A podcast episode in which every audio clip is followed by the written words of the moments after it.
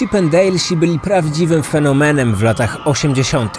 Męski striptease w wykonaniu umieśnionych przystojniaków, odzianych jedynie w mankiety od koszuli i kołnierzyki z muszką, na trwale zapisał się w amerykańskiej popkulturze.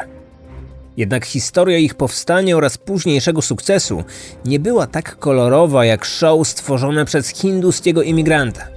Zbrodnia, zdrada, mafia, FBI oraz facet nazywany truskawką to tylko wstęp do historii pełnej intryg, skandali i mrocznych powiązań. Droga do sukcesu prowadziła przez piekło. Kryminatorium. Otwieramy akta tajemnic. Urodzony w Bombaju Somer Banerjee od najmłodszych lat był marzycielem. Pracował w drukarni swojego ojca, ale nie odpowiadała mu ta robota. Chciał czegoś więcej od życia i to w zupełnie innym miejscu.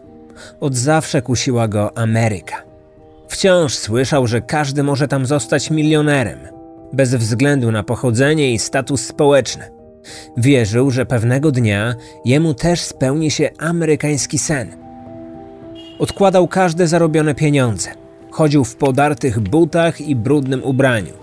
Odmawiał sobie niemal wszystkiego, aż w końcu udało mu się uzbierać na wymarzony bilet lotniczy do Los Angeles. Miał 24 lata, gdy oznajmił ojcu, że odchodzi z drukarni. Kilka dni później wsiadł do samolotu. Miał przy sobie tylko paszport i niewielki bagaż podręczny. Za to w głowie mnóstwo pomysłów. Był rok 1970 gdy Somen po raz pierwszy postawił swoją stopę na amerykańskiej ziemi. Wtedy też wybrał sobie nowe imię Steve. W Stanach Zjednoczonych zaczynał od zera. Przez pierwszych pięć lat pracował jako nocny stróż i sprzedawca na stacji benzynowej. Był uparty, wytrwały oraz zdeterminowany. Oszczędzał na wszystkim. Wynajęty pokój dzielił z karaluchami, Jedzenie kupował tylko wtedy, gdy w sklepie była przecena i odkładał każdego zarobionego dolara. W roku 75 przeczytał w jednym z magazynów, że na wschodnim wybrzeżu rekordy popularności bije muzyka disco. Nowojorskie dyskoteki zarabiały miliony, a ludzie ustawiali się w długie kolejki, aby móc w nich potańczyć. Chciał na własne oczy przekonać się, jak wyglądają takie lokale. Ku jego zdumieniu okazało się, że w Los Angeles podobnych miejsc było niewiele. Może w Hollywood tak, ale one były przeznaczone głównie dla ludzi sławnych i bogatych. Zwykli Amerykanie, tacy ciężko pracujący jak on, nie mieli praktycznie żadnych szans na wstęp do takiej dyskoteki. Steve zobaczył w tym swoją szansę.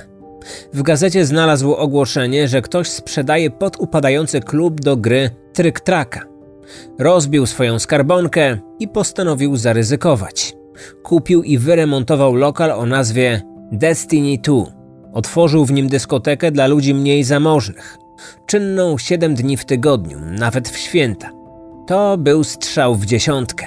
Klienci ochoczo zostawiali tam swoje ciężko zarobione dolary. Drinki i dobra zabawa przy muzyce disco to było to, czego zwykli Amerykanie potrzebowali po ciężkim dniu pracy. Wielu jego pracowników podkreślało wtedy, że Steve w niczym nie przypominał typowego właściciela takiego przybytku. W tych swoich grubych okularach wyglądał raczej na księgowego. Był cichy i nieśmiały. Kiedy się denerwował, zaczynał się strasznie jąkać. Zawsze stał z tyłu, tak aby nie rzucać się w oczy. Z tym swoim uśmiechem przyklejonym do twarzy obserwował bawiących się ludzi, a oni bez hamulców wypełniali mu kieszenie dolarami. Ale dla Steve'a to było za mało. Chciał więcej. Pragnął stworzyć coś, czego Ameryka jeszcze nie doświadczyła. Coś, co da mu nie tylko sławę, ale i miliony. Cztery lata później postanowił zmienić swoją dyskotekę w bardziej ekskluzywny lokal. Zaczął od zmiany nazwy. Długo nie mógł się zdecydować. W końcu, pewnego dnia, zwrócił uwagę na jedno z krzeseł stanowiących wystrój jego dyskoteki wzorowane na XVIII-wiecznym brytyjskim stylu meblarskim Chippendale. Ta nazwa zapadła mu w pamięć, a przede wszystkim kojarzyła mu się z wytworną elegancją.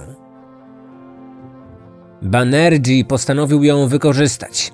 Już wkrótce nad wejściem do dyskoteki zawiesił szyld z nową nazwą Chippendales. Później przyszła pora na wybór charakteru zmienionego lokalu. Pomysł podsunął mu jego promotor i przyjaciel. Paul Snyder był całkowitym przeciwieństwem spokojnego i skromnego Steve'a. Był głośny i gadatliwy, jeździł drogimi samochodami i zawsze otaczał się pięknymi modelkami. Bez przerwy epatował swoim bogactwem. Do tego ubierał się ekstrawagancko, przypominał Alfonsa. Na szyi nosił złoty naszyjnik z gwiazdą Dawida. Ci, którzy go znali, nazywali go śliskim typem, gnidą lub kanalią. I mieli sporo racji, ale Banerjee bezgranicznie mu ufał. Zwłaszcza jego szalonym i odważnym pomysłom, ponieważ Paul zawsze miał talent do tworzenia nowych trendów. W roku 79 zaproponował właścicielowi Chippendales coś nowego. Coś, na co nikt jeszcze w Los Angeles nie wpadł. Męski striptease. Lokali, gdzie mężczyźni mogli popatrzeć na roznegliżowane kobiety, było w Kalifornii mnóstwo, ale brakowało miejsc, w których to kobiety mogły obejrzeć nagich facetów. Paul Snyder znał kobiety jak mało kto i wiedział dokładnie, czego chcą, a one pragnęły się dobrze zabawić. Pod koniec lat 70. dziewczyny zaczęły się emancypować, żądały równouprawnienia. Na co dzień były matkami lub biznesmenkami. Miały na głowie dużo obowiązków. Ciężko harowały, a po całym tygodniu potrzebowały odpoczynku. Najlepiej w miejscu, gdzie mogły się rozerwać, spotkać z przyjaciółkami, coś wypić i pogapić na facetów. Może uszczypnąć jakiegoś przystojniaka w tyłek lub wsadzić mu banknot w stringi. Dziewczyny po prostu chciały móc trochę poświntuszyć, tak jak do tej pory robili to ich mężowie. Steve był zachwycony nową wizją swojego przyjaciela. Spodobał mu się także pomysł jego żony, modelki Dorothy Stratton. Zaproponowała ona, aby wzorem króliczków Playboya, którym była także i ona, męscy stripteaserzy podczas występu mieli na sobie tylko mankiety od koszuli oraz kołnierzyki z muszką. Steve zaakceptował ten pomysł. I już wkrótce te elementy garderoby stały się znakiem rozpoznawczym stripteaserów, których zaczęto nazywać Chippendalesami od nazwy lokalu. Steve mianował Paula producentem show oraz gospodarzem występów. Męski striptease szybko okazał się ogromnym sukcesem. Kobiety były ciekawe tej nowej formy rozrywki, a do tego były chętne płacić za możliwość oglądania nagich facetów. W zamian dostawały to, o czym od dawna marzyły, ale bały się o tym mówić głośno. Zostawiały w lokalu Steve'a mnóstwo dolarów, a wielu mężczyzn, głównie modeli i niespełnionych aktorów, zaczęło starać się o zostanie Chippendalesem. Ten nieoczekiwany sukces miał też jednak swoją ciemną stronę. I jak to często bywa w takich przypadkach, tam gdzie duże pieniądze, tam jeszcze większe kłótnie. Drogi Steve'a i Paula szybko się rozeszły. Snyder był leniem. Gdy już przechodził do pracy, wykonywał ją od niechcenia. Jak wspomniał później jeden z tancerzy w serialu dokumentalnym Secrets of the Chippendales Murders sieci A&E, był cholernie nudnym prowadzącym, ani śmiesznym, ani interesującym. Do tego próbował oskubać swojego szefa. Zamiast stałej wypłaty dostawał procent od zysków, więc po pewnym czasie zaczął sztucznie zawyżać wpływy z biletów. Gdy Steve się o tym dowiedział, zwolnił go. Steve zniknął na pewien czas, a gdy się w końcu odnalazł, omal nie doprowadził do upadku Chippendales. 14 sierpnia 80 roku Snyder zamordował swoją 20-letnią żonę, modelkę Dorothy Stratton, a później popełnił samobójstwo, o czym mieliście już wcześniej okazję posłuchać na Kryminatorium. Zainteresowanych odsyłam do odcinka numer 220 opublikowanego we wrześniu 2022 roku. Ta zbrodnia wstrząsnęła Ameryką, a policyjne śledztwo wykazało powiązania Paula z bardzo podejrzanymi typami z nieciekawego środowiska. Cień podejrzeń padł także na Steve'a, dla którego pracował morderca samobójca. Twórca Chippendalesów bał się, że prasowa nagonka na niego i jego klub może mu bardzo zaszkodzić. Policjanci i dziennikarze pytali go o rzeczy, o których nie miał zielonego pojęcia. Do tego zaczynała maleć liczba sprzedawanych występów. Wkrótce nad jego głową pojawiło się widmo bankructwa. Banerjee był jednak uparty i wciąż robił dobrą minę do złej gry. W wywiadach udawał, że w ogóle nie znał Snydera. Może coś tam dla niego robił, ale w sumie niewiele. Zresztą, to było dawno i przecież go wyrzucił na zbity pysk. Cierpliwość i spokój Steve'a zostały nagrodzone. Po pewnym czasie skandal ucichł, a opinia publiczna zapomniała o całej sprawie. Chippendalesi nadal się rozbierali. Kobiety wciąż chciały ich oglądać i wkładać im banknoty w stringi. Safe Hindusa znów zaczął się zapełniać plikami 100 dolarówek. Interesom nie zaszkodziły nawet pojawiające się coraz częściej protesty konserwatywnych mieszkańców, którzy robili wszystko, aby doprowadzić do zamknięcia klubu z męskim striptizem. Protestowały też wspólnoty religijne, nazywając właściciela diabłem, a jego lokal siedliskiem szatana. Protesty odniosły skutek odwrotny od zamierzonego. Banerjee otrzymał darmową reklamę. Pisały o nim wszystkie gazety. Zapraszano go do telewizyjnych talk showów. Wkrótce medialny rozgłos sprawił, że Chippendales z lokalnej speluny stał się najmodniejszym miejscem w Los Angeles. Steve znowu triumfował. Wtedy na jego drodze pojawił się hollywoodzki producent, reżyser i scenarzysta Nick Denoya. Miał głowę pełną pomysłów. Przekonywał Steve'a, że wzniesie jego klub na wyższy poziom i rozkręci jego biznes na niewyobrażalną skalę. Steve uwierzył przebojowemu producentowi o włoskich korzeniach i zatrudnił go u siebie. Z luźnych występów, które polegały wyłącznie na rozbieraniu się przed publicznością, on stworzył prawdziwe show. Każdy występ miał swój scenariusz. Pojawiła się przemyślana choreografia, a każdemu striptizowi towarzyszyła oddzielna opowieść. Do tego światła i pirotechnika. To wszystko zaczęło robić naprawdę ogromne wrażenie. Ze zwykłego rozbierania się uczynił prawdziwy spektakl. Pieniądze szybko zaczęły płynąć szerokimi strumieniami. Steve był w niebo wzięty. Sukces przerósł jego najśmielsze oczekiwania. Był sławny oraz bogaty i tak jak lubił najbardziej, nadal mógł pozostawać w cieniu.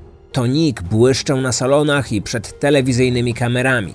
Załatwiał kontrakty i dbał o wizerunek Chippendalesów. Zatrudniał i zwalniał.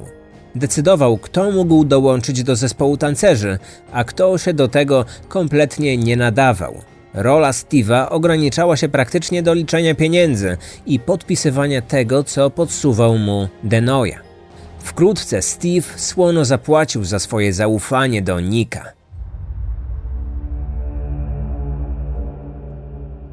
Steve miał wszystko, o czym marzył, poza jednym.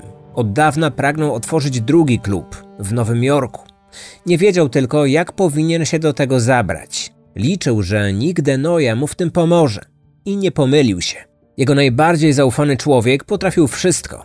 Obiecał Steve'owi, że umożliwi mu zrobienie kariery na wschodnim wybrzeżu. Miał tylko jeden warunek i nie miał na myśli zapłaty za taką usługę. W zamian chciał pełne prawo do wyjazdowych występów Chippendalesów. Steve był zaskoczony taką propozycją. Nick oczekiwał od niego czegoś, co przecież nie istniało. Jego tancerze nigdy nie opuszczali Los Angeles, nie brali udziału w żadnym tournée. Banerjee nawet nie miał tego w planach. Pomyślał więc, że to dla niego świetny interes. Nie miał zamiaru organizować wyjazdów, więc stwierdził, że nic nie straci na takim układzie. Nick wyciągnął wtedy serwetkę, na której napisał treść ich umowy. Steve podpisał. Denoya spełnił swoją obietnicę. Klub w Nowym Jorku odniósł jeszcze większy sukces niż ten w Los Angeles. Chippendalesi byli wszędzie. W gazetach, na pocztówkach, w reklamach, na kartkach kalendarzy. Przynosili większe zyski niż kiedykolwiek. Bardzo szybko Banerjee kolejny raz przekonał się, że tam, gdzie są duże pieniądze, tam są jeszcze większe kłótnie. W roku 84 panowie poróżnili się. Nick uwielbiał brylować przed kamerami. Udzielał setek wywiadów, występował w telewizji. Prasa pisała tylko o nim. To on odniósł sukces, to on był sławny, to on był gwiazdą. Dlatego to właśnie on szybko zaczął być przez amerykańską opinię publiczną kojarzony z ogromnym sukcesem męskich stripteaserów. Tymczasem o prawdziwym założycielu klubu nie mówił i nie pisał nikt. Miarka się przebrała, gdy dziennikarze zaczęli otwarcie nazywać Nika jedynym twórcą Chippendalesów. Steve wpadł we wściekłość, bo poczuł się odsunięty na boczny tor. Nie wiedział jednak, że był to dopiero początek jego kłopotów. Pewnego dnia Nick przypomniał mu o podpisanej przez nich na serwetce umowie, którą jego prawnicy zamienili w pełnoprawną umowę. Denoya miał prawo do występów wyjazdowych i zamierzał je wykorzystać. W roku 85 zabrał grupę najpopularniejszych tancerzy z klubu i bez zgody Steve'a wyruszył z nimi w trasę. Steve próbował interweniować, ale okazało się, że oddał mu nie tylko prawa do zysków z tournée. Umowa pozwalała również Nickowi na organizowanie wyjazdów oraz wykorzystywanie wizerunku Chippendalesów. Trasa po Stanach Zjednoczonych okazała się jeszcze większym sukcesem niż występy w klubach. Grupa odwiedziła kilkanaście stanów. Później wyleciała do Europy. Banerjee nie spodziewał się, że ten pomysł wypali. Widział, jak Nick błyszczał w mediach i jak przez dwa następne lata kolejne miliony dolarów przelatywały mu koło nosa. Poziom jego desperacji zaczął się wtedy zbliżać do niebezpiecznego poziomu. 7 kwietnia 1987 roku Denoya przebywał w swoim nowojorskim biurze na Manhattanie. Kwadrans przed godziną 16 do jego gabinetu wszedł nieznany mu mężczyzna, który zapytał, czy to on jest Nikiem. Po usłyszeniu potwierdzającej odpowiedzi wyciągnął broń i wymierzył prosto w twarz swojego rozmówcy. Już nie żyjesz. Te słowa zdążył jeszcze usłyszeć Nick, zanim kula przebiła mu lewy policzek i wyszła z tyłu głowy. Denoya zmarł na miejscu. Kilkanaście minut później nowojorskie biuro Chippendalesów wypełniło się mnóstwem policjantów. Cały jego gabinet był zagracony. Po prawej stronie był wieszak z kostiumami, obok wisiał plakat przedstawiający grupę jego stripteaserów. Na wprost od wejścia stało biurko. Z jego prawej strony wystawały adidasy. Na podłodze leżał mężczyzna z przestrzeloną głową. Dookoła nie było zbyt dużo krwi. Nie było śladów walki, nic nie zginęło, żadnych odcisków palców sprawcy ani śladów jego DNA. Wyglądało na to, że ktoś po prostu wszedł, zastrzelił go i wyszedł. Śledczy byli zgodni. Wyglądało to na roboty płatnego zabójcy. Tylko kto go wynajął i dlaczego? Rozpoczęło się śledztwo. Detektywi próbowali ustalić, komu mogło zależeć na śmierci Nika, kto mu źle życzył. Policjanci nie mogli znaleźć nikogo, kto byłby zaskoczony takim końcem Nika. Po przesłuchaniu świadków stało się jasne, że Denoya miał wielu wrogów, w tym tego najgroźniejszego mafię. Rodziło się tylko pytanie, który z tych wrogów pierwszy zdążył go zabić, zanim wkrótce zrobiliby to inni. Podejrzany numer jeden mafia. Nick podczas trasy koncertowej podpisał kontrakt na kilka występów w nocnym klubie na Florydzie. Właścicielem tego lokalu była tamtejsza mafia. Ich chłopcy od przekonywania próbowali wymusić na Niku podzielenie się zyskami z całego tournée. Denoya najpierw odmówił, a następnie odwołał zaplanowane występy, zostawiając mafię z kompletem sprzedanych biletów na kilka występów i z poczuciem wstydu, bo Chippendalesi byli przez nich szeroko reklamowani w całym stanie. Nikt o zdrowych zmysłach nie zabija przecież z takiego powodu. Ale czy mafia jest normalna?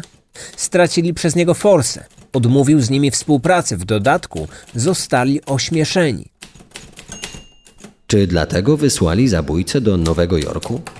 To miało sens. Jednak śledczym coś tu nie pasowało. Mafia nie pozbywa się osób, które potrafią zarabiać pieniądze, a on potrafił to robić jak mało kto.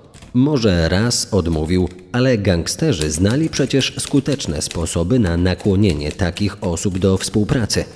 Będąc martwym, nie mógł im dać nawet centa. Tym bardziej, że jak wykazało śledztwo, Nick płacił nowojorskiej mafii na ochronę tamtejszego klubu, więc jednak nie był przeciwnikiem takiej współpracy. Detektywi nie znaleźli żadnych powiązań Nika z gangsterami. Jeśli nie mafia, to kto? Podejrzany numer dwa, David Arad. Pojawił się na pogrzebie Nika. Nikt go nie znał. Nawet najbliższa rodzina ofiary. Zachowywał się bardzo podejrzanie. Unikał kontaktu z ludźmi, nie patrzył nikomu w oczy. W dodatku jego twarz pasowała do portretu pamięciowego sprawcy. Tym człowiekiem zainteresowali się policjanci, którzy również byli na cmentarzu. Wkrótce wyjaśniło się, dlaczego nikt go nie kojarzył. Nick poznał go w kwiaciarni. Ich znajomość szybko przerodziła się w romans. Choć przez kilka lat byli parą, Denoya ukrywał przed najbliższymi to, że był homoseksualistą. W tym celu nawet ożenił się z jedną z hollywoodzkich aktorek. Kilka dni po pogrzebie śledczy przyszli po Davida. O swoich obawach opowiedział on później w serialu dokumentalnym Secrets of the Chippendales Murders sieci A&E. Dla policji, jako gej, zawsze byłem winny, zwłaszcza w latach osiemdziesiątych. Nie musiałem nawet nikogo zabijać. I tak byłem dla nich mordercą. Mordercą moralności. Cały czas żyłem w strachu. Gejów można było wtedy obwiniać o wszystko, bez żadnego śledztwa. Łatwo oskarża się kogoś, kto sam czuł się winny. Winny tego, jak żyje. Podejrzany zeznał, że Nick zostawił go niedługo przed swoją śmiercią. Czy dlatego porzucony kochanek wynajął płatnego zabójcę? David miał środki i motyw. Dodatkowo był przepełniony gniewem i rozpaczą. Czyż nie jest to idealny przepis na zbrodnię? Okazało się, że nie. Nie było dowodów, a David miał żelazne alibi. Śledczy szukali dalej. A może podejrzany numer 3? Był nim drugi David, były kochanek pierwszego Davida. On też miał motyw, bo Arad zostawił go dla Nika. Czy postanowił się zemścić na osobie, która odbiła mu chłopaka? A może wierzył, że odzyska Davida, gdy wyeliminuje Nika? Nic z tego. Również i ten trop szybko okazał się nietrafiony. Sprawdzono także Steve'a. Był przecież mocno skonfliktowany z ofiarą, ale on też miał alibi. Poza tym wszyscy jego pracownicy zeznali, że Banerjee nigdy nie wspominał choćby słowem, że chciałby się go pozbyć. Nikt nie słyszał, żeby mu groził.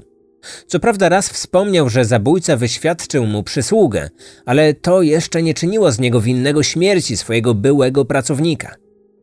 Śledztwo utknęło w martwym punkcie aż do 91 roku. Wtedy do głównej siedziby FBI w Las Vegas zgłosił się pewien mężczyzna. Zapytany przez agentów o nazwisko, odpowiedział, że nazywa się Truskawka. Zapytany o genezę swojego owocnego nazwiska, chętnie ją przedstawił. Pracowałem w całym kraju jako operator ciężkich maszyn. Raz dostałem robotę na pustyni w Nevadzie. W trakcie przerwy usnąłem na dźwigu i spiekło mnie słońce.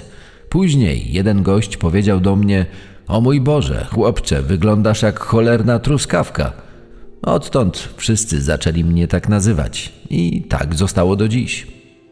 Truskawka pojawił się w siedzibie FBI, aby zgłosić przestępstwo. Pewien facet, od którego wynajmował mieszkanie, zaproponował mu dobrze płatne zlecenie w Anglii. Zabicie dwóch stripteaserów podczas ich występu w londyńskim klubie. Za 50 tysięcy dolarów miał im wstrzyknąć w szyję cyjanek. Facet wyglądał na gangstera, który zabija za jakąkolwiek odmowę, więc truskawka ze strachu się zgodził. Wziął zaliczkę, strzykawki z cyjankiem i poleciał do Londynu. Na miejscu ogarnęły go jednak wątpliwości, że niby jak miałby to zrobić? Wejść na scenę i wstrzyknąć cyjanek kolejno dwóm różnym facetom, licząc na to, że nikt z publiczności się nie zorientuje? A może poprosić ich, aby stanęli nieruchomo koło siebie, żeby było szybciej? Truskawka spanikował, wyrzucił truciznę i wrócił do Stanów, a że bał się zemsty gangstera, poszedł prosto do FBI. Agenci sprawdzili zleceniodawcę. Był nim niejaki Ray Colon. Agenci podpięli truskawce pod słuch i kazali zadzwonić do Raya. Mężczyzna tak zrobił, a później zapewnił, że właśnie odlatuje do Anglii wykonać swoją robotę. Na koniec rozmowy poprosił jeszcze o przypomnienie mu szczegółów zlecenia, czyli kogo i jak ma zabić, bo zapomniał. Ray cierpliwie mu wytłumaczył, a FBI znalazło się w posiadaniu obciążającego nagrania. Colon został aresztowany. Za zlecenie dwóch zabójstw groziło mu co najmniej 20 lat za kratkami, ale dostał od agentów szansę. Obniżą mu wyrok maksymalnie, jeśli powie dlaczego ze wszystkich ludzi na świecie truskawka miał zabić akurat tych dwóch stripteaserów z Londynu. Ray nie zamierzał iść do więzienia, więc przyjął ugodę i zeznał, że zmusił go do tego Steve Banerjee.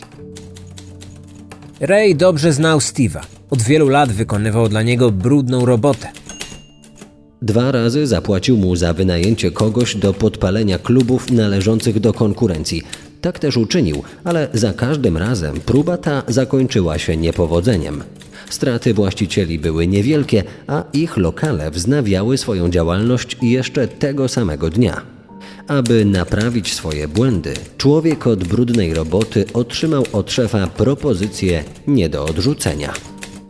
W ramach rekompensaty za nieudane próby zniszczenia konkurencji, Steve zlecił Rayowi zabicie dwóch swoich byłych Chippendalesów.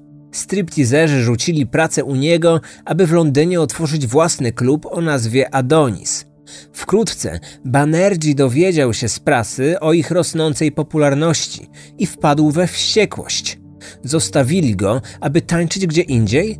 Odeszli, aby robić mu konkurencję? Steve uważał, że tylko on ma prawo zarabiać na męskim striptizie, więc nie zamierzał im na to pozwolić. Ray miał dla agentów FBI coś jeszcze. Zaproponował, że jeśli obniżą mu wyrok jeszcze bardziej, to powie im, kto zlecił mu zabicie pewnego bogacza w nowojorskim Manhattamie w 1987 roku. Zgodzili się na nową ugodę. Wtedy Ray oświadczył im, że Nick Denoya został zastrzelony przez narkomana o nazwisku Lopez na polecenie Steve'a. Steve miał jednak alibi. Nie było też dowodów przeciwko niemu. Dlatego to właśnie Ray musiał wymusić na zleceniodawcy przyznanie się do winy, które agenci mogliby nagrać. W tym celu Ray Colon umówił się ze Steve'em, który przeczuwał, że może być obserwowany przez FBI, ale zgodził się z nim spotkać w Szwajcarii. Spotkali się w hotelowym pokoju w Curychu. Agenci zajęli sąsiedni pokój i włączyli aparaturę do nagrywania. Wyposażony w podsłuch Ray dość długo prowokował Steve'a do przyznania się. W końcu zapytał wprost, czy policja podejrzewa, że Banerjee miał cokolwiek wspólnego ze śmiercią Nika. Wtedy Steve się otworzył. Z dumą w głosie przyznał, że chyba wiedzą, że to on zlecił zabójstwo, ale nie mają przeciwko niemu żadnych dowodów. Opowiedział nawet o planie jego ucieczki, gdyby jednak coś poszło nie tak. Udało nam się nagrać opowieść o tym, jak wydał 500 dolarów na zakup broni dla zabójcy i jak dał mu adres biura ofiary. Na koniec przyznał, że opuści Amerykę prywatnym odrzutowcem, gdyby dowiedział się, że chcemy go aresztować. Kupił już nawet luksusowy apartament w Indiach na wypadek, gdyby musiał uciec ze Stanów. Agenci FBI nie potrzebowali niczego więcej. Steve Banerjee został aresztowany. Wtedy podpisał ugodę. W zamian za odstąpienie prokuratury od oskarżenia go o zlecenie podpaleń i kilka mniejszych przestępstw, przyznał się do zlecenia zabójstwa Nika. Ugoda obejmowała także zaakceptowanie przez niego wyroku 26 lat pozbawienia wolności oraz przekazanie jego zarabiających miliony dolarów klubów Chippendales rządowi federalnemu. Ugoda miała wejść w życie 24 października 1994 roku. Wszystko wskazywało więc na to, że Steve spędzi ponad ćwierć wieku w więziennej celi, a jego żona i dwoje dzieci nie odziedziczą po nim przynoszących fortunę lokali w Los Angeles, Nowym Jorku, Dallas i Denver. Stało się jednak inaczej. Kilka godzin przed wydaniem wyroku przez sąd, twórca Chippendalesów powiesił się na prześcieradle w swojej celi. Jedni mówili, że zabił się, ponieważ stwierdził, że nie zniesie życia w zamknięciu. Inni wskazywali, że tylko w taki sposób mógł uchronić swoją rodzinę przed utratą praw do Chippendalesów. O powodach jego dramatycznej decyzji możemy dziś tylko spekulować. Co nie zmienia faktu, że bez oskarżonego sąd nie mógł wydać wyroku, a więc umowa zawarta z prokuraturą nigdy nie weszła w życie. Tym samym Chippendalesi pozostali we władaniu rodziny Banerjee. Odcinek powstał na podstawie serialu dokumentalnego Secrets of the Chippendales Murders, wyprodukowanego dla sieci A&E oraz epizodu Backstage Murder z serii The FBI Files kanału Discovery. Wykorzystano również artykuł magazynu Women's Health oraz publikacje prasowe dzienników Los Angeles Times, The Independent oraz The Hindustan Times.